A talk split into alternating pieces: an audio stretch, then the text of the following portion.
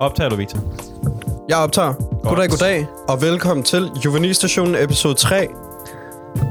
Øh, Vi er tilbage, og øh, inden vi... Øh, Inden vi begynder at snakke om, eller begynder at komme ind på dagens program, så vil vi gerne lige komme med lidt øh, service-info Lidt reklame. hurtigt.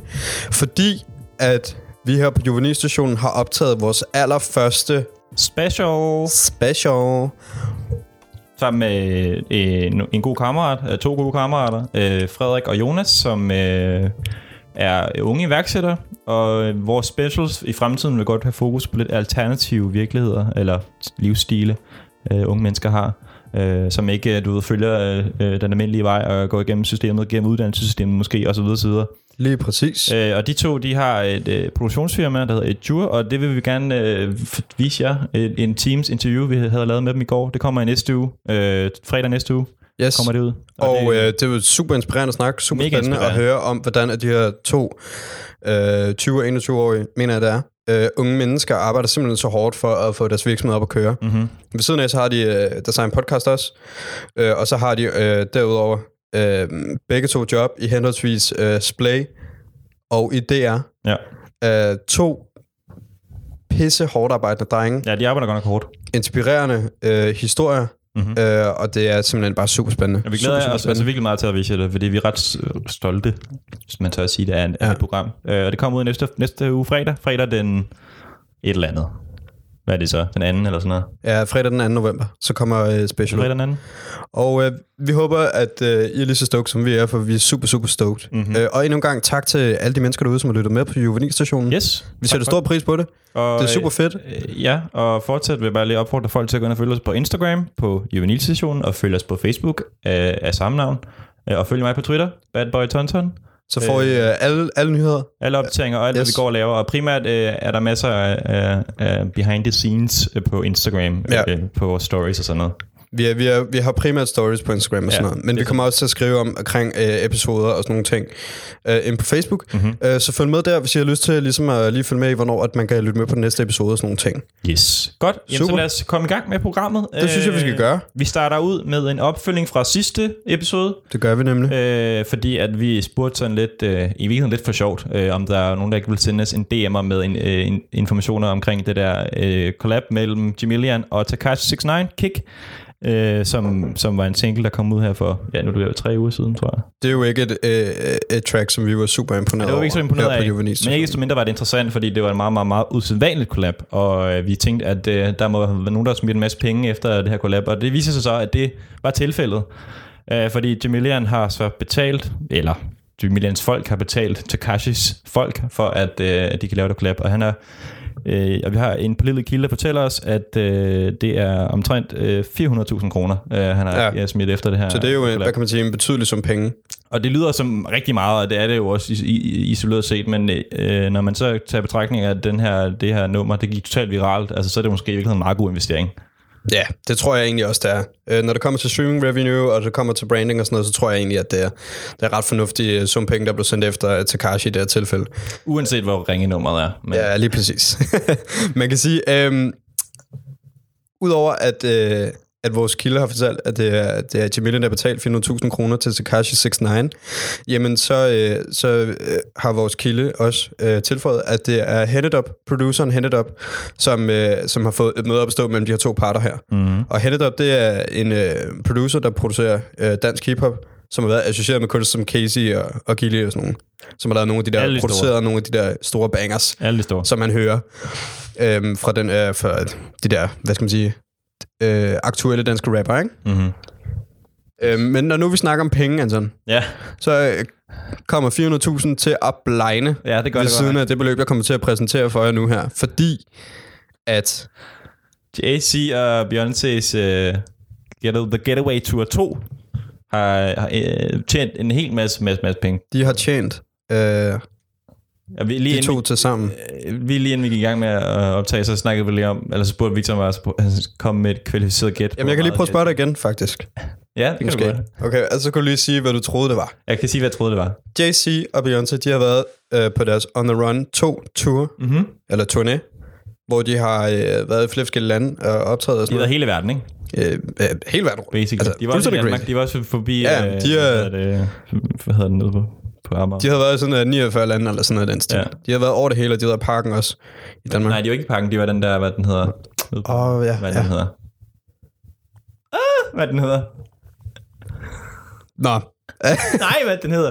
jeg kan ikke huske, hvad den hedder. Royal Arena, for helvede. Ja, Royal Marine. Uh, irriterende. men regardless, Ja. Anton, de to de har jo tjent uh, rigtig mange penge. Uh, og dertil spurgte jeg dig, Anton, hvor meget tror du, at det her par har tjent på deres tur? Jeg gættede på, og det spurgte jeg først, om det var dollars. Så sagde jeg, nej, det var kroner. Og så siger jeg, okay, men så skyder jeg på 150 millioner kroner. Og så sagde jeg, Anton, du har aldrig nogensinde taget fejl. Mere fejl, end du har i det her tilfælde. Nej. Fordi at Beyoncé og Jay-Z har tjent 1,6 milliarder kroner Uh. på en turné. Business is booming. Business is fucking booming, Anton. Det er fuldstændig crazy. Det er jo øh, astronomisk stort beløb, de to. Jeg har også hørt noget med, at Beyoncé hun tjener faktisk flere penge end Jay-Z. Sådan der. Det er jo ret Men sejt. det, det skulle ikke øh, måske helt under mig, det ved jeg ikke. Nej, det er ikke noget med det. Nej. Nej. Men det er bare sådan generelt. Nå, ja, men helt sikkert, helt sikkert. men, men i hvert fald, øhm, fuldstændig crazy. Yes. Fuldstændig crazy. Beyoncé, Jay-Z, kudos to you Ja. for earning so much money. Altså, vi, GG. vi, jeg elsker jo dem begge to meget højt. Jeg er meget glad for. Øh, Og jeg er sgu egentlig også meget glad for, at de er, de er sammen. ja, det er sgu meget godt. Lige udover, at der har været en lille episode. Og det, men det kom der, altså udover deres episode, kom der jo tre, to rigtig gode albums ud af det, så det er faktisk fint for mig.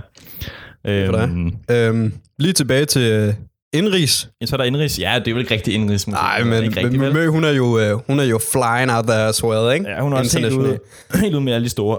Men hvad er det, hun har gjort, Anton? Ja, men Mø har jo kommet med et nyt album for helvede, og Ja. øh, jeg har hørt det en lille smule. Jeg er ikke sådan en udpræget fan af, af det her album. Jeg er sådan generelt fan af Mø. Jeg synes, Karen hun er en meget øh, sympatisk karakter, og jeg kan rigtig godt Mhm. lide hende. Øh, jeg så hende også lige natholdet her forleden aften, øh, hvor hun var rigtig hyggelig. Øh, men hendes nye album er ikke sådan super godt, synes jeg. Øh, I hvert fald det, jeg har hørt indtil videre. Men i hvert fald, der er et nyt album på gaden, så hvis du er en Mø-fan, og det er der jo en masse, der er, øh, så gå ind og lyt til det. Øh, ja. Og hvis ikke, hvis ikke du kommer til at lytte til det, så kommer du til at lytte til det Ja, i radioen og sådan noget. Ja. De næste øh, mange måneder. Ja, det er bare ærgerligt for dig, som ikke er fan af Mø, som hader Mø. Øh, men sådan er det. Ja, ja, lige præcis. Hun, der er i hvert fald nyt album på gaden, øh, og lurer mig, om du ikke kommer til at høre det, selvom du ikke søger på det på din, øh, på din computer eller på din telefon eller så videre. Ja. Så det var lidt musiknyheder, så lidt mere musiknyheder. Så har vi nemlig uh, Cordy. Godt Cordy B, hun er også ude. Hun er også på gaden med en ny single. Jeg ved ikke, om det fører til et, øh, en større udgivelse. Det har jeg ikke rigtig... Rap mama. Hun er jo i virkeligheden den, en af de største rapstjerner i verden lige nu, ikke? Altså, Jo, det må man sige. hun er mega sej, synes jeg. Øhm, også fordi hun startede lidt from the bottom, sådan rigtig from the bottom, ikke? Hun var stripper Ja. og sådan nogle ting. Øhm, hun har udgivet en ny single, der hedder Money, som handler om alle de ting, hun godt kan lide. Øh, hun kan godt lide at have sex, hun kan godt lide at store fede biler, hun kan godt lide alle hendes bitches og alle hendes homies. øh, og, men det, hun allerbedst kan lide over alting, det er at få en fed paycheck. Øh, det er bare basically det, den her sang handler om. Big fat chicks. Og den går lidt i, lidt i stil med, hvad hedder det, det Kendrick Lamar, hvor der kom ud øh, sidste år. En dame, det er Humble. Der, der er sådan en minimalistisk øh, øh, klaverbeat i baggrunden, som, som bare fungerer helt vildt godt. Ja, der, der er helt sikkert nogle paralleller, der godt kan trækkes mellem de to. Ja. Synes jeg, det vil jeg gerne give dig ret i. Ja, Ja, ja, det ved jeg ikke. Jeg, og det er, hvad, hvad skal man sige, det er, det er en super fed, let fordøjelig banger, ja, den er rigtig som er god. fed at høre, og sikkert også fed at ryste røv til det her, jeg ikke haft chancen for at gøre endnu. Nej. Men den, den synes jeg, jeg skal og høre. Den kommer ud i dag. Ja, i morges. gå ind og er hør den. Det er torsdag i dag. Vi anbefaler den, Vi anbefaler den. helt sikkert. Gå ind og høre til den. Og lige på den. Så er der øh, nogle andre musiknyheder. Vi fortsætter lidt i musiknyheder. Det er, holder sig nemlig sådan, at øh, Roskilde Festival har øh, kommet med deres første, de første 12 navn øh, til, til pakken øh, til festivalslisten næste år. yes, Øh, og her blandt de 12, øh, så har vi øh, Travis Scott, som er øh, meget overraskende booking, men super fed booking, øh, synes jeg. Og, der, og det har også øh, afsløret, at han skal spille på Orange, og hvilken dag han skal spille. og det synes jeg er super velfortjent. Ja, det, det synes jeg er ret sejt. Altså, det er sådan øh, ret vildt, hvordan at øh, Roskilde... Øh, altså, hvordan kunstnerne på Orange udvikler sig her, øh, den her tid. Sådan, det, Ja. ja. det, det, traditionelt set er det, er det sådan en stor rock-scene, ikke? Ja, sådan at sige præcis, lige præcis. Men nu har der også været plads til sidste seneste år, der plads til hiphop, vi har haft Outkast, vi har haft Kendrick Lamar, mm. vi har haft uh, Nicki Minaj øh, spille på Orange, ikke? Så det er ret specielt, at, og det er alligevel et skridt videre, fordi Travis Scott er ikke sådan traditionel hiphop. Det er jo trap jo. Det er trap-musik, ikke? Ja. Ja. en masse autotune og så videre, så videre. Så Ja. øh, Men man kan sige, øh, i lyset af hans seneste album, Astroworld, ja. var super ambitiøst projekt. Mm. Super, super fedt album. Godt album. Øh, hvis ikke lytter til det, så lyt til det. Det er mega fedt. Mm-hmm.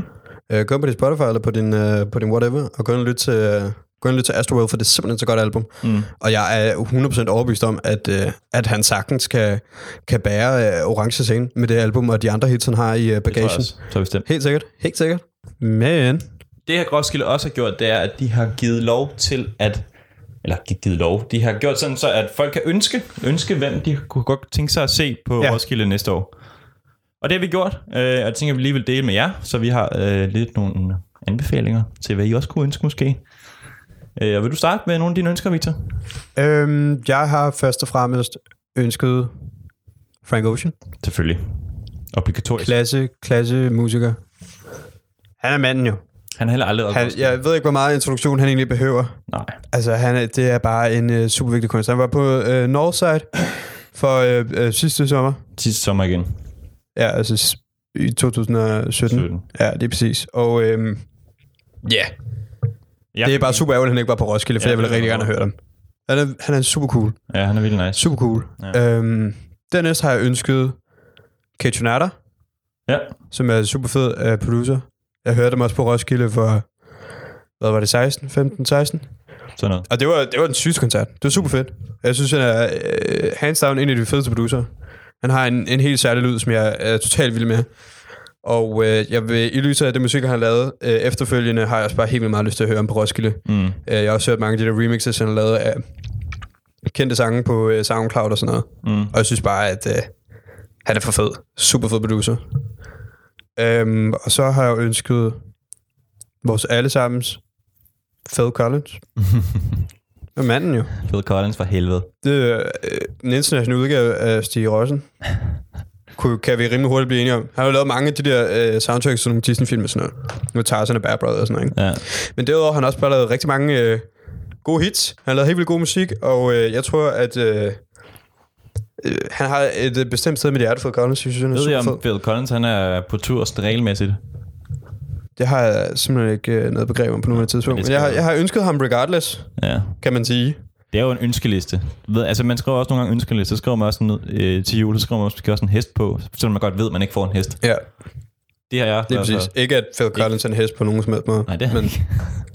men det er lige præcis. Tavligt at sammenligne Phil Det er, en, Collins. det er en ønskeliste. Og så må vi håbe, at øh, der er nogle administrative mennesker, der kan trække nogle tråde ind i Roskilde Festival. Altså, de kan jo godt. Øh, administrationen. Og så sørge for, at Phil Collins kommer. For jeg er sikker på, at jeg ikke er den eneste, som gerne vil høre ham. Fordi han er, han er for sej. Han er mega nice. Øhm, er der andet, du har ønsket, eller? Øh, pff. jeg kan simpelthen ikke huske lige nu, Anton. Nej. Det er jeg ked af at sige. Men jeg synes bare, du skal, det skal op med nogle af dine. Ja, men Jeg- jeg, jeg har også øh, ønsket Frank Ocean. Øh, af naturlige årsager, det behøver jeg ikke forklare. Og hvis du ikke har også gør det, så tag og gør det. Øhm, og så har jeg ønsket Brockhampton, og det har jeg gjort, øh, fordi dem er jeg rigtig, rigtig glad for også. Og de har også, de er også aktuelle med album lige nu, og det kommer de sikkert også til at, der kommer også en række udgivelser her i Ja. ja. den nærmeste fremtid, så vidt jeg har forstået i hvert fald. Øh, ligesom deres øh, Saturation serie sidste år, så bliver den her Iridescence bliver også en del af en øh, albumserie. Ja. Jeg ved ikke, hvor mange præcis der kommer, men så vidt jeg har forstået, så skulle der gerne komme en, en, en, nogle, nogle flere af dem også. Så at de er i hvert fald, øh, lige så vel som de var på tur den her sommer, så kan jeg sagtens forestille mig, at de også tog på tur næste sommer. Så dem har jeg i hvert fald ønsket. Og det synes jeg vil passe helt vildt godt ind i Roskilde at de kommer. De, jeg er sikker på, at de kunne fyre op for en fest på enten øh, Avalon eller på Arena. Jeg er sikker på, at det vil, det vil passe helt vildt godt ind. Ja, det er jeg også sikker på. Det er jeg sikker på. Vi anmeldte jo også Reticence i vores første episode, Ja, som bare er et, et super genialt album. ja vi er meget glade for. Øhm, så helt sikkert, om de ikke er 100% velkommen, i hvert fald for vores synsvinkel. Ja, det er de. Det er de. Øh, på Roskilde Festival, det kunne være mega nice. Også, altså det er også bare, de spillede, jeg var også på deres øh, koncert på Haven her i sommer. Ja. Øh, og at de bare spillede der, så- altså det kan jo ikke udelukke, at de kunne komme til at, altså det udelukker i hvert fald ikke, at de, at de ikke kunne spille på øh, Roskilde også. Det håber jeg i hvert fald. Nej, lige præcis. Og så har jeg også ønsket Frank Ocean, det tror jeg også, jeg havde sagt. Øh, og så har jeg ønsket øh, Justin Timberlake. og det er sådan lidt Manden. en, en drengedrøm af min, fordi jeg har altid været fan af Justin Timberlake, siden jeg var helt lille. Jeg ved godt, det er måske ikke sådan mega populært at sige, som ung, cis-kønnet, heteroseksuel mand. Men sådan er det, og jeg gider ikke snakke mere om det nu. Det er også svært, når samfundet dikterer alle mulige normer, mænd skal være på, ikke? Ja, Og sådan noget, men ikke? jeg kan i hvert fald rigtig godt lide JT, og jeg håber, han kommer. Øhm, Jeg er glad for, at du står ved det. ja, det gør jeg. Det I, gør jeg Jeg, jeg, jeg, kunne ikke, jeg ville ikke stå stille så lang tid, hvis han øh, fyrede op for en fest på orange scene. Det er helt sikkert. Eller gik rundt om min øh, seng, for den sags Ja, gå rundt om Victor Seng. Ja, det er præcis. Øhm, men helt klart, altså lige så vel som Bruno Mars spillede her i uh, sommer på Roskilde, så kan jeg sagtens forestille mig, at det kunne høre JT også. Øh, Ja. ja. Nu har jeg, jeg ved, han har jo lige været på tur her, eller er måske stadigvæk med den der Man of the Woods, selvom det er et lortealbum. Så håber jeg stadig, at han kommer. Øh, det kunne være fucking grineren. Øh, så, så lort er det heller ikke et album. Så. Ja, det er rimelig dårligt. så er det, ikke? Virkelig dårligt. Men Og, det, er, øh, det tilgiver ham for, fordi uh, han, han har lavet så meget andet skønt musik. Ja. Øh, og så hvem har jeg mere ønsket? Så har jeg ønsket... Hvem har jeg mere ønsket? Bum, bum, bum, bum. Øh, Kids See Ghost. Øh, Kanye West og Kid Cudi, dem har jeg ønsket. Det er et ambitiøst ønske, Ja, kan man altså, sige. Kanye kunne man også bare ønske, ikke? Øh, Ja, ja. Men jeg vil egentlig helst bare se de to, eller ikke helt, for de har kun syv tracks øh, på det album der, men jeg vil kunne godt sindssygt godt tænke mig, at de kom og spillede, det kunne være sindssygt. Det kunne være mega fedt, ja. Jeg synes virkelig, See Ghost, øh, det, deres album der i Frisk Sommer, det er lidt noget af det bedste øh, musik, der er kommet ud i mange år, og det kunne jeg virkelig godt tænke mig at, at høre. Øh, ellers bare Kanye. Kanye må også gerne komme, selvom han er tosset som... ja han er jo øh, kontroversiel. Ja, Mere han er kontroversiel end nogensinde før. Ja, og det, det, jeg stopper vist ikke rigtig lige forløb, men øh, det må han selv om. Det, det gider jeg egentlig ikke gå så meget op i, fordi at, øh, han laver heldigvis en masse god musik, som man kan lytte til. Øh, så ja, hvad har jeg? Ja, Daniel Caesar kunne jeg også godt, rigtig godt tænke mig at se. Ja, det er feel you, feel you, man. flødefyren over dem alle mm. i virkeligheden. Uh, han er virkelig, virkelig nice. Og det der album, der hedder, uh, hvad det hedder? Fru, Fruitian. Fruitian eller sådan noget. Det seneste her fra, fra sidste år. Det var virkelig, virkelig dejligt album. Virkelig skønt og lidt, så det kan jeg rigtig, rigtig godt lide. Det kan også varmt anbefales, hvis man ikke kender uh, Daniel Caesar, som er for eksempel er fan af Frank Ocean. Så gå ind og lyt til det her. Det er lidt i samme boldgade. Det er lidt mere, uh, lidt mere fløde, lidt mere R&B. Uh, mm. Øh, handler meget om sex og kærlighed og sådan noget der. Øh, men det er rigtig, rigtig skønt album. Det kan jeg virkelig anbefale. Og jeg håber virkelig, han kommer. Det kunne være sindssygt, hvis de øh, bookede ham. Ja. Men ellers så tror jeg, det var det. Sådan, det, det er i hvert fald de største. Og så selvfølgelig, altså selvfølgelig JC og Beyoncé, det, det er en, en, en oplevelse, jeg ikke vil gå glip af. Øh, mm. altså, og de har haft Rihanna, og de har haft uh, Nicki Minaj, og de har haft øh, Eminem. Altså, jeg kan ikke se, hvorfor de kunne, kunne høre Nej. de to også. Det kunne være, altså, det kunne være fuldstændig vanvittigt, hvis de kom. Det ville virkelig, øh, virkelig synes var fedt. Men ja, det var vist ellers, det var ellers bare det. Det var vist alt for ønsker, eller hvordan? Så kommer vi til øhm, episodens anmeldelse. Musikanmeldelse, albumanmeldelse. Øh, albumanmeldelse. Og vi har jo egentlig... Ja, vi har været sådan lidt, om vi overhovedet skulle snakke om det her album, men det er desværre... Eller desværre, siger jeg nu. Men er desværre, Desværre. lidt, øh, lidt for aktuelt til, at vi kan bare øh, Ja. putte det ned i Vi, skuffen. vi kan i hvert fald godt blive enige om, at Man of the Woods, Justin Timberlake, er ikke det eneste halvdårlige, dårlige album, vi kommer til at snakke om i dag. Nej, Fordi at det album, vi kommer til at snakke om i dag, det er nemlig uh, Quavo Huncho, det nye Quavo en tredjedel af Amigos, Quavo! Som uh, har lavet en masse claps, og uh, alene også, eller væk fra Amigos-gruppen, eller hvad man skal sige. Ja. Han er kommet ud med et soloalbum. Ja, og ligesom kan kalde det vi- Ja, det er et soloalbum. Det er hans første soloalbum, faktisk. Ja. Og ligesom vi sidst snakkede om, at øhm, der er sådan en tendens med at lave helt vildt lange album, som, øh, som The Carter 5 også var, så det Ja. ja. er også et sindssygt langt album. Altså ikke lige så langt som de andre, men det er stadigvæk over en time, og der, Ja. ja. jeg tror, der er, var det 19 tracks på, eller sådan noget. 19 tracks, lige præcis. Og det er igen sådan noget med at få de der streaming-tal op, øh, så de kan tjene nogle penge, tænker jeg. Altså det må det være, jeg kan ikke rigtig komme i tanke om. Det er, i hvert fald, det er i hvert fald vores teori lige på nuværende Jeg kunne tidspunkt. godt forestille mig, med, med den kvalitet, der har været på, på Migos tidlige udgivelser, og mm. på det her udgivelse, så er det egentlig bare, øh, de, er, de er meget effektive til at lave numre, fordi der er virkelig mange, Ja. og de er ikke særlig gode, særlig mange af dem. Øhm, Eller det, det, det, det, det kommer vel an på, i hvilket øh, regime man taler, eller hvilken kontekst man... ja, altså det er jo sådan Altså- noget... Ja, det er jo sådan noget dum... Jeg har lyst til at sige dum lol-rap, fordi det er ja, det på en eller anden måde, men det er også sådan det noget er jo trap, og det er jo Trap. lidt for dårligt, og der er jo ikke, det er jo ikke, der, der er jo ikke skænket super mange tanker til Nej, det. det er der godt nok ikke. tænker. Der er ikke skænket sådan rigtig nogen tanker omkring det her, kunne man forestille sig. Og, og det behøver ikke nødvendigvis være en dårlig ting. Nej, ikke Men man kan sige, når vi øh, to skal anmelde et album, mm. så det vi gør, det er, at vi sætter os ned, og så finder vi Genius frem, fordi Genius har lyrics til øh, alting. Mm, Og så sætter vi os ned, og så hører vi albumet fra ende til anden. ja. Og så læser vi lyrics til, og så hører vi måske nogle sange, som vi synes var interessante. Så læser vi frem og tilbage lidt ping-pong. Ja. Og så øh, danner vi et overblik, og så prøver vi at finde ud af, hvad vi synes er fedt, og hvad der ikke er fedt. Og så prøver vi at finde ud af, hvad øh, andre mennesker har sagt om det. Øh, og, og se, om der er nogle facts, som vi ikke har haft med. Ja. Så tilføjer vi dem. Øh, og så man kan sige på den måde, så, så man lytter et helt album igennem fra ende til anden på den måde, mm. så leder man jo efter noget substans, efter noget mening på en anden måde, end hvis du bare sætter dig ned og lytter til albumet. Sådan helt... Øh, øh, uden at tage stilling til det, eller uden sådan, hvad skal man sige, at, at, at kigge på det meget grundigt, at sætte sig ind i stoffet. Ja. Og man kan sige, når man har et lidt for døjeligt trap-album, som det Quavo Huncho egentlig er, jamen så når vi sidder og lytter øh, til det på den måde, som vi gør, simpelthen for at danne os overblik over, hvad der foregår, hvad det er for et album, Mm. jamen så må man jo bare konkludere, at det ikke er fordi, der er super meget substans i Quavo Huncho. Men det kan også bare være en refleksion af Quavos liv. Det, det, det skal man ikke, uh, skal Nej. ikke kunne sige.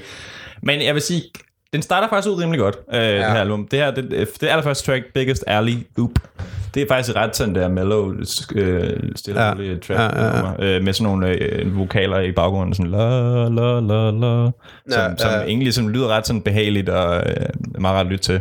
Og så kommer, så kommer, så kommer sådan, Mark Travel kommer ind med drumsen, ikke? Jo. Og så begynder, så begynder det, der karakteriserer Quavo rigtig meget til album, efter min opfattelse, det er, at han er, han er meget korte bars. Ja, de er meget korte. Øh, ja. Og så er der en adlib til sidst for at Øh, udfylde på- det tomrum, der måske, måske er, ikke? Øh, men det er et fint udmærket track. Det er ikke sådan der Ja, vildt nej, nej. ringe, men så nosediver vi så også, fordi en track, tracket lige efter det, det er med, med 21 Savage, det Ja. virkelig, virkelig går dårligt. Og der er på et tidspunkt, hvor at, det, han øh, bare, i stedet for at rappe eller andet, så siger Quavo bare, skør, skør, Ja, skør, skør, det er- er, måske 16 takter, og det er sådan, Det er rædsomt. altså, øh, for helvede, altså, Ja. jeg ved, det, altså, det. det. er jo Sådan er det, er underholdende på en eller anden måde, men det, det er bare ikke, der er ikke så meget kvalitet over det, det må man sgu indrømme. Øh, men en anden track, jeg også lige vil highlight, det er øh, den der collab med Drake, som også er gået lidt, gået lidt viral på en eller anden måde. Ikke? Den der Det, det synes jeg øh, personligt er et af de, øh, øh, hvis ikke det fedeste, Ja, øh, nummer på, på albumet. ja. Det er øh, tracket med, med, med Drake, Flip the Switch. Mm. Og det er, der synes jeg, at... Øh, øh, nemlig det, der jeg fortalte med før, at, at, at Quavo har meget korte bars. Mm. Det gør, at, at, at det kan godt fungere i nogle sammenhænge. Hvis man gør det hele tiden, så synes jeg, det bliver sådan lidt tomt på en eller anden måde. Ja. Og man kan sige, det gør det måske op for adlibs og nogle ting i baggrunden, og, og så, mm. øh, hele den her Quavos øh, kurs, eller hvad man skal sige. ja. Men, men jeg synes faktisk, at, at barsene, de bliver, de bliver udvidet lidt mere i længde på Flip the Switch. Øh, og Drake, han er også bare en super dygtig rapper i forvejen. Drake er, Drake er, meget, Drake er også god på sådan en Han er- han er- altså, han, han er- passer godt ind. Han er Næsten alle steder. dygtig. virkeligheden. Ja, han er rigtig, rigtig dygtig. Og, det, og jeg synes, at, at, at Drake passer rigtig godt ind på nummeret. Mm. Jeg synes bare sådan er lidt længere. Jeg synes, øh, produktionen er betydeligt mere catchy, mm. end på mange af de andre numre. Og jeg synes, at det, det, det fanger mig. Og øh, det kan godt være, at substansmæssigt, øh, altså lyric-wise, at det ikke er en Nobelpris i litteratur, vi, vi har at gøre med, men jeg synes faktisk, det, det er et godt nummer. Jeg synes, ja. det er helt fedt. Ja. øhm, ja, det, det er sådan set også meget godt nummer. Det, er også, altså det, det bliver sikkert en hit, og det, det, det, det skal slet ikke tvivl, øh, tvivles på. Øhm, men altså, nu prøver vi bare at highlight nogle af de her ting, vi godt kunne lide ved albumet. Øh, Ja. Fordi der er også et nummer, der hedder Work In Me, som er det der single, som kom ud inden, som er, sådan, som er, mm. som er blevet et hit, ikke? Som bare er et sang, som handler om... Øh, Om sex. ja, om sex, øh, og som handler om, hvor, hvor lækker, eller hvor, hvordan hans dame ligesom worker ham. Altså, mm. der, hvad for nogle lækre ting, hun gør ved ham.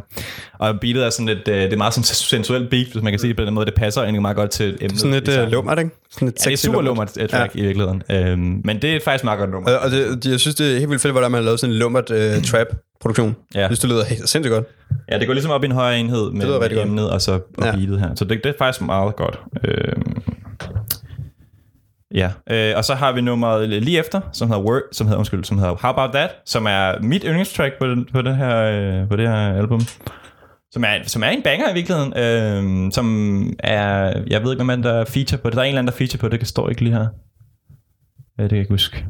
Nå, men det er i hvert fald det er sådan en banger. Det er sådan, der er sådan en overlagtig øh, klaver øh, i baggrunden, som, som, som lyder helt vildt lækkert. Øh, og det, det er bare en virkelig fed Migos banger. Og, sådan, og når Migos de rammer sådan, er den i det der niveau, hvor du laver en god banger, øh, øh, så er det virkelig fedt. Og det gør de på det her track, synes jeg. Eller nu siger Migos, nu er det bare Quavo, ikke? Øhm, Mm. øh, men det den kan jeg rigtig godt lide, og det, det, det er bare sådan en dum, mm, god Migos banger. Ja, og det- det, det er lidt for døjelig, men den er sgu meget god. Og det, det er måske også det, de er bedst til. Ja, det er jo det, de er bedste. Eller han er bedst til nu. Eller man ja. Kan i hvert fald godt trække nogle paralleller mellem Quavo Huncho ja. Og Migos generelt. Ikke? Det, det minder i, i høj grad meget om hinanden. Ja. Øhm, en anden sang, vi skal snakke om hurtigt, det er Huncho Dreams. ja. Og det er Huncho Dreams. Det vil måske for nogen lyde en lille smule bekendt. Og det er fordi, at Nicki Minaj for nogle uh, hvad, måneder tilbage udgav sit album Queen. Mm. hvor hun havde et, et, et nummer, der gik uh, mere eller mindre viralt, der hed Barbie Dreams. Barbie Dreams er en uh, rapsang, hvor at, uh, Nicki Minaj rapper om alle de rapper, som, uh, uh, som hun er iskold overfor, og sådan der, at de alle sammen vil have hende og sådan noget, ikke? Ja, det ved med, at hun rapper om sådan det, at hun er lige ved at få mekanen, men så... Uh, Ja, og så, uh, du ved, mm, mm, ja, I'm the queen. You ain't having Mm. this. ja, lige præcis. Og der uh, havde hun også spyttet nogle bars omkring Quavo, Ja, og de, Quavo og, uh, og Nicki, they have a past, ja, tror or jeg. something like that. Ja, Og uh, Honcho, han har svaret tilbage på Honcho Dreams. ja. Og det er også derfor, den hedder uh, Honcho Dreams. Uh, Barbie Dreams, Honcho Dreams, ikke? Mm. Uh, hvor, hvor han ligesom, uh, hvor han ligesom designer lidt igen. Ja, Og det, og det gør han flere steder i, uh, i, uh, i sangen. Uh, men, men noget, jeg gerne lige vil highlight, det er, uh, det er et af versene, Mm. hvor at, uh, der er en stor reference til In My Feelings med Drake. ja, det er nærmest en intertekstuel uh, Drake-reference. Ja, lige præcis. Uh, samtidig med, at det ligesom er et diss til, uh, til Nicki Minaj, ikke? Ja. hvor at øh, teksten lyder, og jeg citerer, uh, Nikki, do you love me? Why are you crying? She don't want to be a queen unless she got me. Mm. Um, hvor han bare sådan der, øh, altså fortsætter så med at sige, uh, she don't want to be unseen unless we married. Mm. Uh, sådan der, hvor, hvor han ligesom svarer igen til, til, øh, til den diss, som han har fået sådan der, under Ja. Barbie Dreams. Uh, og hvor han konfronterer det samtidig med, at han ligesom uh, skriver sig ind i sådan en uh, mainstream popkulturagtig kontekst uh, med den der Emma Feelings, ikke? Ja, ja Øhm, det... Ja. Så man kan sige, det er, det er på en måde to fluer med et smæk. Ja. Det, giver, det giver impact, og det er relevant at snakke om. Men altså, også, også det her track, også på selv samme øh, track, så hvad hedder det, så han laver jo adlibs hele tiden, øh, Quavo, og det er jo, er jo altså 50% af det her, det er jo bare øh, lolleren adlibs. Og der er på et tidspunkt den her, hvor han bare siger adlib, i stedet for at lave en, Ja, lave en adlib.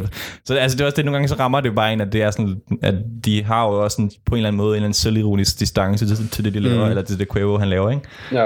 Øhm, så det er jo også en kvalitet, kan man sige. På ja. måde. Øh, yes. Og så har vi, jeg vil lige hurtigt nævne det track, der hedder Rerun med Travis Scott, som er på track nummer 13. Og det er faktisk øh, et øh, throw-off beat fra øh, deres collab-album Honcho Jack, Jack Honcho, med, med Quavo og Travis Scott. Og det, er altså, det viser lidt bare, hvor meget sådan, ja, hvor meget de har ligesom investeret i det her. Hvis det bare er en throw-off beat fra et andet album, de bruger sådan der, altså sådan, det føles meget filler, og generelt er der meget mange filler tracks, så det er sådan, der er med, med, med, Quavo, eller med Migos og Quavo, det er, at de har så lange album, og der, er- at det kan bare ikke, alt kan bare ikke være at guld værd, det kan det bare ikke, sådan der. Nej. Også når, de i forvejen har en, den her måde at lave musik på, som de har, så er det bare sådan, man kan godt blive træt. Altså, og det er Ja, virkelig sådan en trættende oplevelse, at bare sidde og lytte til det her, fordi man føler, at man bliver sådan hypnotiseret på sådan en, ned på sådan en niveau, sådan, man bare dummere og dummere, jo, jo længere tid man hører det her, ikke? Øhm, så ja, øh, og så lidt generelt øh, her til sidst. Men, vi- altså, øh, lige inden du øh, kommer ja. ned til opsummering, så øh, man kan også bare sige, øh, du ved, når vi sidder her og siger, at vi egentlig ikke er særlig begejstrede over det her album, øh, og så nævner alle mulige tracks, vi synes er fede, så kan det måske godt virke lidt som om, at, øh, at, at, at det er sådan lidt selvmodsigende, eller sådan lidt paradoxalt Ja. på en eller anden måde. Men det var også bare for at sige, at vi har øh, 19 tracks her. Øh, albumet er en time langt. Øh, over en time langt. minutter eller sådan noget. Ja, lige præcis. Og, og, og ud fra det, øh, så vil vi lytte igennem fra ende til anden, og så har vi jo egentlig taget de tracks, som vi egentlig synes er fede, mm. øh, og snakke om dem. Mm. Altså, man kan sige, der er jo også, der er også nogle ting, vi ikke har drøftet. Der er for eksempel øh, relativt relevant, der er jo track med Madonna, ikke? Ja, Øhm, hvor man bare kan sige, jamen, ja, det, og det føles bare som om, det er bare for at lave en sang med Madonna, sådan der. At det, Ja, det virker, det er øh, virkelig dårligt. det virker sådan øh, overfladisk. Ja, Altså, mange af de der tracks synes, det virker overfladisk. Og så er der nogle af dem, hvor man føler, at jeg ramt plet, og det er så også bare dem, vi snakket om, ikke? ja, Kan man sige, eller ramme mere eller mindre plet. ja. Ja, Ja, altså, så altså, jeg vil sige, den mest positive ting ved det her album, og det er for at nævne nærmest det eneste, jeg synes, det er, at det der med, at nogle gange er det så dumt, at det er godt. Eller sådan, du ved, Ja. nogle, gange er det så, nogle gange er det så dumt, at det er sådan, der er sjovt. ja, Hvor det bare, og man, nogle gange kan man godt være i tvivl, om de mener det, eller om, om det er bare for sjov. Mm. Og det, nogle gange, så, øh, så kommer han ligesom, så kan man ligesom godt øh, hælde til, at det er for sjov. Fordi så for eksempel, hvor han bare siger adlib, i stedet for at lave en adlib. Sådan ja, ja. Så han har, nogle gange har de selvironi, men andre gange føler også bare, at de prøver sig selv så seriøst, øh, at det bare det falder fuldstændig øh, fra hinanden. Øh, ja. Men altså, det er ret sjovt. Altså, det er ret sjovt at lytte til, til Migos og Quavo i det her tilfælde. Altså, det, det er ret underholdende på en Hvad, eller anden sige, måde. hvad, hvad, hvad kunne du ikke lide ved albumet? Jamen, jeg synes bare, Bare for at komme ind på det. ja, men der er bare mange fillers. Altså, det, det, altså, nu har vi highlightet de sange, vi har snakket om, ikke? men ellers resten af det er bare filler. Mm. Altså, det er jo bare sådan ja. mellem... Det, det er et alt for langt album, og der er mange sange, som er så, øh, så øh, shallow eller monotone på en eller anden måde, som bare sådan ryger ind i dine ører ud af det andet, ja. Du glemmer dem nærmest. Ja, Fordi, og, og du ved, det er jo ikke fordi, at der, der lyrisk er nogen Nobelpris litteratur, der kommer rundt om hjørnet for Migos. Eller for Quavo, for den sags skyld. ja. Øhm, så ved jeg på den måde kan man sige sådan der, at, at jo, du ved, der har været nogle dygtige producer indover og lavet noget, noget, noget, produceret noget godt trap. Mm. Men altså, det er ikke fordi, at det har super meget substans. Nej, men sige, det- hvad, hvad er albumet god til?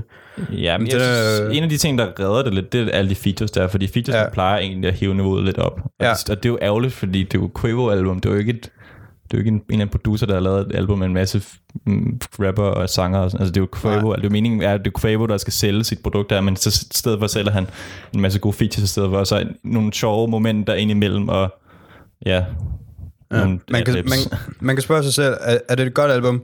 Og der vil jeg så nok sige nej. Nej. Men på den anden side kan man sige, mm, hvad, kommer jo simpelthen på, hvad det er godt til, ikke? Jo. Hvis du sidder på øh, verandaen med din dreng, ryger en joint eller drikker fuld eller sådan noget, så er der helt sikkert mange af de her sange, der giver mening, hvad Ja, ja, høre og fede at høre. Ja, ja. Øh, og det er jo ikke fordi, at, der ikke er, at, at, at, det ikke, at det ikke kan give mening i nogen sammenhæng. Nej. Men om det er et godt album som sådan, det vil jeg ikke påstå, det er. Nej, jeg kommer nok heller ikke til at vende tilbage til det Nej. øh, efter det her. Det er nødt til at være. Nu, øh, nu har vi en playlist, øh, som vi har lavet, som vi også skal gå ind og, I kan gå ind og følge ind på Spotify, som har samme navn som programmet. Ja, hvor vi, hvor vi lægger op øh, nogle af de sange, vi synes er interessante for de album, vi gennemgår. Ja, en sang, en sang, vi gennemgår, eller sangen, vi har bare tur over, som vi lægger op. Øhm, så den kan I gå ind og følge. Der er, der er nogle Ja. Quavo-sange lige nu, men det er kun fordi, vi har snakket om det. altså, Ja, det er præcis. Det er præcis. øh, så jeg, jeg ved ikke, øh, hvis du skulle give det en score, Victor, hvor, hvor lander du? 3, 3, 4 3-4 stykker? Er jeg også ud af, ud af, ud af 10? ud af 10, 3 ud af jeg. 10. Ja. Ja. Jeg er også nede på ja, 3-4 stykker, jeg er enig. 3-4 stykker ud af 10. Øhm, ja, det mangler bare en hel masse. Altså. Ja. Og det er jo ikke fordi, det er, det er ikke fordi at Quavo eller Migos, de ikke kan skinne nogle gange, for det gør de. Altså, de laver de der virkelig gode Migos bangers, hvor man bare, Ja. hvor man bare har det for lolleren, sådan der, og det var, og man er, det, altså, det, man er lidt ligeglad, hvad de handler om, men det, hvor det var sjovt og underholdende. Øh, ind imellem. Og det er Ja. det, man kan tage ud af dem, synes jeg. Ja, lige præcis, lige præcis. At hive fat i her. Og det, er, og det er også fordi, at, at man, skal, man skal ikke gøre det mere end til, hvad det er. Nej. Eller sådan, og man skal Nej. ikke prøve at sætte det i kontekst til noget, det ikke er. Nej. Fordi at så, øh, ja, Ja. så kan det også blive lidt ude af proportion på en eller anden måde. Ja, det kan det godt. Ja. Yes. Men altså, jeg tænker, at det var alt for musikdelen i dag. Det var alt for musik i dag. Nu har vi ikke mere musik. Øhm, Men vi har til gengæld noget tv, Anton. ja, og vi har været i biografen, du og jeg, Victor. Det har vi i hvert fald. Vi har været, vi har været inde og se øh, Venom. Som, øh, ja, altså vi snakke lidt om den måske. Jamen, øh, øh, jeg kan da allerede godt afsløre, at vores umiddelbare anmeldelse af filmen er omtrent så dårligt som alle de andre, man har læst på nettet. Ja, ja vi, vi, altså jeg, jeg, var, jeg jo elsker jo Tom Hardy, og jeg elsker Spider-Man-universet, så Ja. jeg var totalt biased. Øh, Mm. da jeg, jeg, var sådan, jeg var ligeglad med, hvad alle folk sagde, jeg skulle bare fucking se Venom. Ja. fordi Og det kom vi fandme også. Det kom, vi, fandme også. øh, vi var inde og se den i uh, Cinemax på Fisketøjet for, var det en uge siden? En lille uge siden? Hvornår var det? Ja, det var en uge siden for i dag. Var det ikke torsdag sidste uge? Sådan noget der i hvert fald. Ja, det er lidt lige meget. Ja. Øhm, Og det er ja, det var en spøjs oplevelse. en uh, super mainstream film, som bare har slået super meget fejl på så mange måder. Ja, Især med så uh, dygtig skuespiller Tom Hardy i hovedrollen. ja. Faktisk næsten en katastrofe, det kan lade sig gøre. Det kan blive Ja, han, han, han, altså Tom, det er også det, der er så ærgerligt, fordi Tom Hardy, han er sådan fucking badass, han er rigtig sådan en mandemand jo. Mm. Og så i den her film, der bliver han bare sådan rigtig skvat, og sådan en Ja. rigtig sådan jubelidiot. Og det passer slet ikke ind i det billede, jeg har Tom Hardy, for Nej, helvede. overhovedet ikke. Den her, den her film er næsten ødelagt Tom Hardy for mig. Ja. Altså, jeg ved ikke, om vi skal komme på meget ind i spoilers, det synes jeg ikke, vi skal, fordi Nej. Nej. hvis man... Altså, tag ind og se den, hvis det er. Øhm, Altså, jeg vil sige... Øhm, det er jo ligesom, det er ligesom, da Black Panther kom ud, ikke? Der Ja. var så sindssygt meget hype. ja, Og da jeg kom ind og så den, der var jeg sgu egentlig også øh, mere eller mindre skuffet. ja. Jeg synes, det var en fin Det var film. Den var meget god, men den var ikke så god. Nej. Og, og man kan sige, det, det er måske lidt den samme fornemmelse, som jeg har her. Altså, det kan godt være, det er en endnu dårligere film, men der er til gengæld stadigvæk så meget hype om den. Omkring den. Ja. At man på en måde nærmest øh, skylder sig selv i nogle kredse at se den, bare fordi alle andre har set den, ikke? Ja, Så på den måde, så kan man sige, øhm, hvis man føler, at det er der, man står, så synes jeg, man skal se den. Det er en underholdende film, der er nogle sjove øjeblikke. Det er helt sikkert mere en komedie, end det er en, en ja den er seriøs, sjov. øh, altså, øh, øh, seriøs øh, Marvel-film. ja, altså, altså, ikke, for, ikke for at spoil for meget. Altså, hvis I har set traileren, så ved jeg, at på et tidspunkt, så kommer det den her det monster ligesom, bliver, ligesom lever i symbiose med Tom Hardys karakter. Ja. Og de har også nogle interaktioner, hvor de, han ligesom snakker ind i hovedet på ham og sådan noget, og det er altså ret grineren. Det, altså det vil sige, Ja. noget, det er noget af det bedste film, det var faktisk, hvor sjov den var Ja. mellem de to. Øh, og det jo en kvalitet, kan man sige. Øh, Helt sikkert, helt sikkert. Ja. Så hvis man, man, man føler behov for at se den, så skal man ikke holde sig tilbage. ja. Hvis man tænker, sidder og føler sådan, at man sgu egentlig sådan, at de glade om, skal man gå til og se den, så, så, så se en anden film. Ja, Se en anden film. Der er mange, mange bedre film. ja. Der er kommet den der øh, med Ryan Gosling der. ja der var One First på Man månen. eller sådan noget. Ja. Den skal vi ind og se, tror jeg. Den vil jeg også rigtig gerne ind. Ja. Men Men altså ja, Venom... Det er hvor mange stjerner giver du der? ved, det er svært, når man ikke må snakke spoilers, men øhm, jeg tror, hvad jeg lander på... Hvis, skal vi 1-6, ikke? Når det er stjerner med film, det er sådan, man gør. Okay. Så den er, Det gør man ikke med musik, eller? Jo, det ved jeg ikke. Lad os bare tage 1 til 6 med det. Nu kører vi bare. Ja, det ved jeg ikke. Øh, men så lad os, jeg tror, jeg er på stjerner. To stjerner. Ja, men jeg tror heller ikke, jeg er på meget mere end to, hvis ikke det er en. Altså. Men den er sjov. Altså, Men den er meget sjov. Og det sgu ikke, det sgu ikke fordi, du ved, hvis, jeg, hvis den var kommet på Netflix, og så så den derhjemme, så ville jeg sgu egentlig tænke, fair nok. Altså, Ja, ja. ikke? Det er også bare lidt det der med, at man måske bliver lidt ekstra skuffet, når man har betalt penge for den, og kommer ind i biografen, Den og har dyr. høje forventninger, og man bliver hyped og sådan noget, ikke? Ja, vi så den jo IMAX, og der, øh, Ja. øh, der den koster den ekstra, fordi det, det er jo ekstra. Og Fordi det er IMAX, ja. Fordi det er IMAX, ikke? Så det er sådan, ja. Det var meget dyrt, så ja, ikke måske ikke bare vente til den kommer på Viaplay. Men det var flot produceret jo, eller hvad man skal sige. Jo, jo, der er flot- fed, flot filmet, Meget fed øh, stemning og sådan noget i filmen. high budget, ikke? Ja. Men Victor, noget som vi begge to er meget optog over. Jeg har glædet mig øh, hele aften til at tale om Ja. det her. Og jeg ved ikke, om vi skal køre spoilers. Skal vi Nej, lige advare? vi Vi skal- skal kører ikke spoilers? Ikke kan spoilers, Okay. fordi at det, nej, det synes Der er kommet en ny øh, serie på Netflix, som hedder The Haunting of the Hill House, eller Haunting of Hill House. Bare The Haunting of Hill House, ja. The Haunting of Hill House, yes. Som er en gyser-serie Mm-hmm. i virkeligheden, og det er jo sådan ret underligt, fordi at, øh, Ja. hvor mange findes der lige af dem? Der findes ikke sådan der er sindssygt mange. Og hvis lige, øh, inden vi begynder at komme i gang, så må jeg sige, du skal ikke lade dig blive skræmt af, at det er en gyser. Nej, det skal du For ikke. det er øh, så meget mere. Ja, det er virkelig meget mere. Ja. Altså, den Øhm, er fucking uhyggelig nogle gange. Ja. Meget starten også. Det er næsten mere uhyggeligt. Den er, de første den, er, den er rigtig, rigtig spooky. Den er rigtig ubehagelig. Ja. Og man kan sige, det jeg synes, som gyser-aspektet ligesom bidrager til i den her serie, det er, at man kan komme så meget, øh, så, så, så dybere ind Mm. i, øh, i, i øh, nogle øh, forfærdelige følelser som sorg og traumer og sådan noget. Ja. kan manifestere sig i, i, i, i gys, altså synes jeg er fuldstændig fantastisk gjort af instruktøren Mike Flanagan. Ja. Øhm, jeg så jo den her serie fra klokken 3 om natten til klokken 1 om morgenen. Jeg så den i et, Et om... et run. Et, ja. Og så skrev du øh, til mig øh, lige efter, prøv at vi er nødt til, nødt til at se den her serie. Ja, sådan, der, og jeg, jeg bliver nødt til at snakke om den her i Ja. podcasten, Ja. lige meget hvad. Øh, og du har også set den nu. Hvad tænker du om den? Jamen, jeg, jeg, tog den ikke, i- jeg tog den ikke i en bid ligesom dig, men jeg, var- det var fem tæt på. Øh, Ja. jeg, så jeg startede sådan der sent om aftenen, klokken 8, Ja. ja. 9 stykker eller sådan noget, og så var jeg nåede jeg næsten færdig. Jeg tror, jeg så halvdelen af episode 8 Mm. til klokken, jeg tror, det var sådan noget klokken 8 om, eller klokken 5 om morgenen. Ja. Ja. Øh, så var jeg, jamen, nu slukker jeg, fordi nu må jeg hellere sove.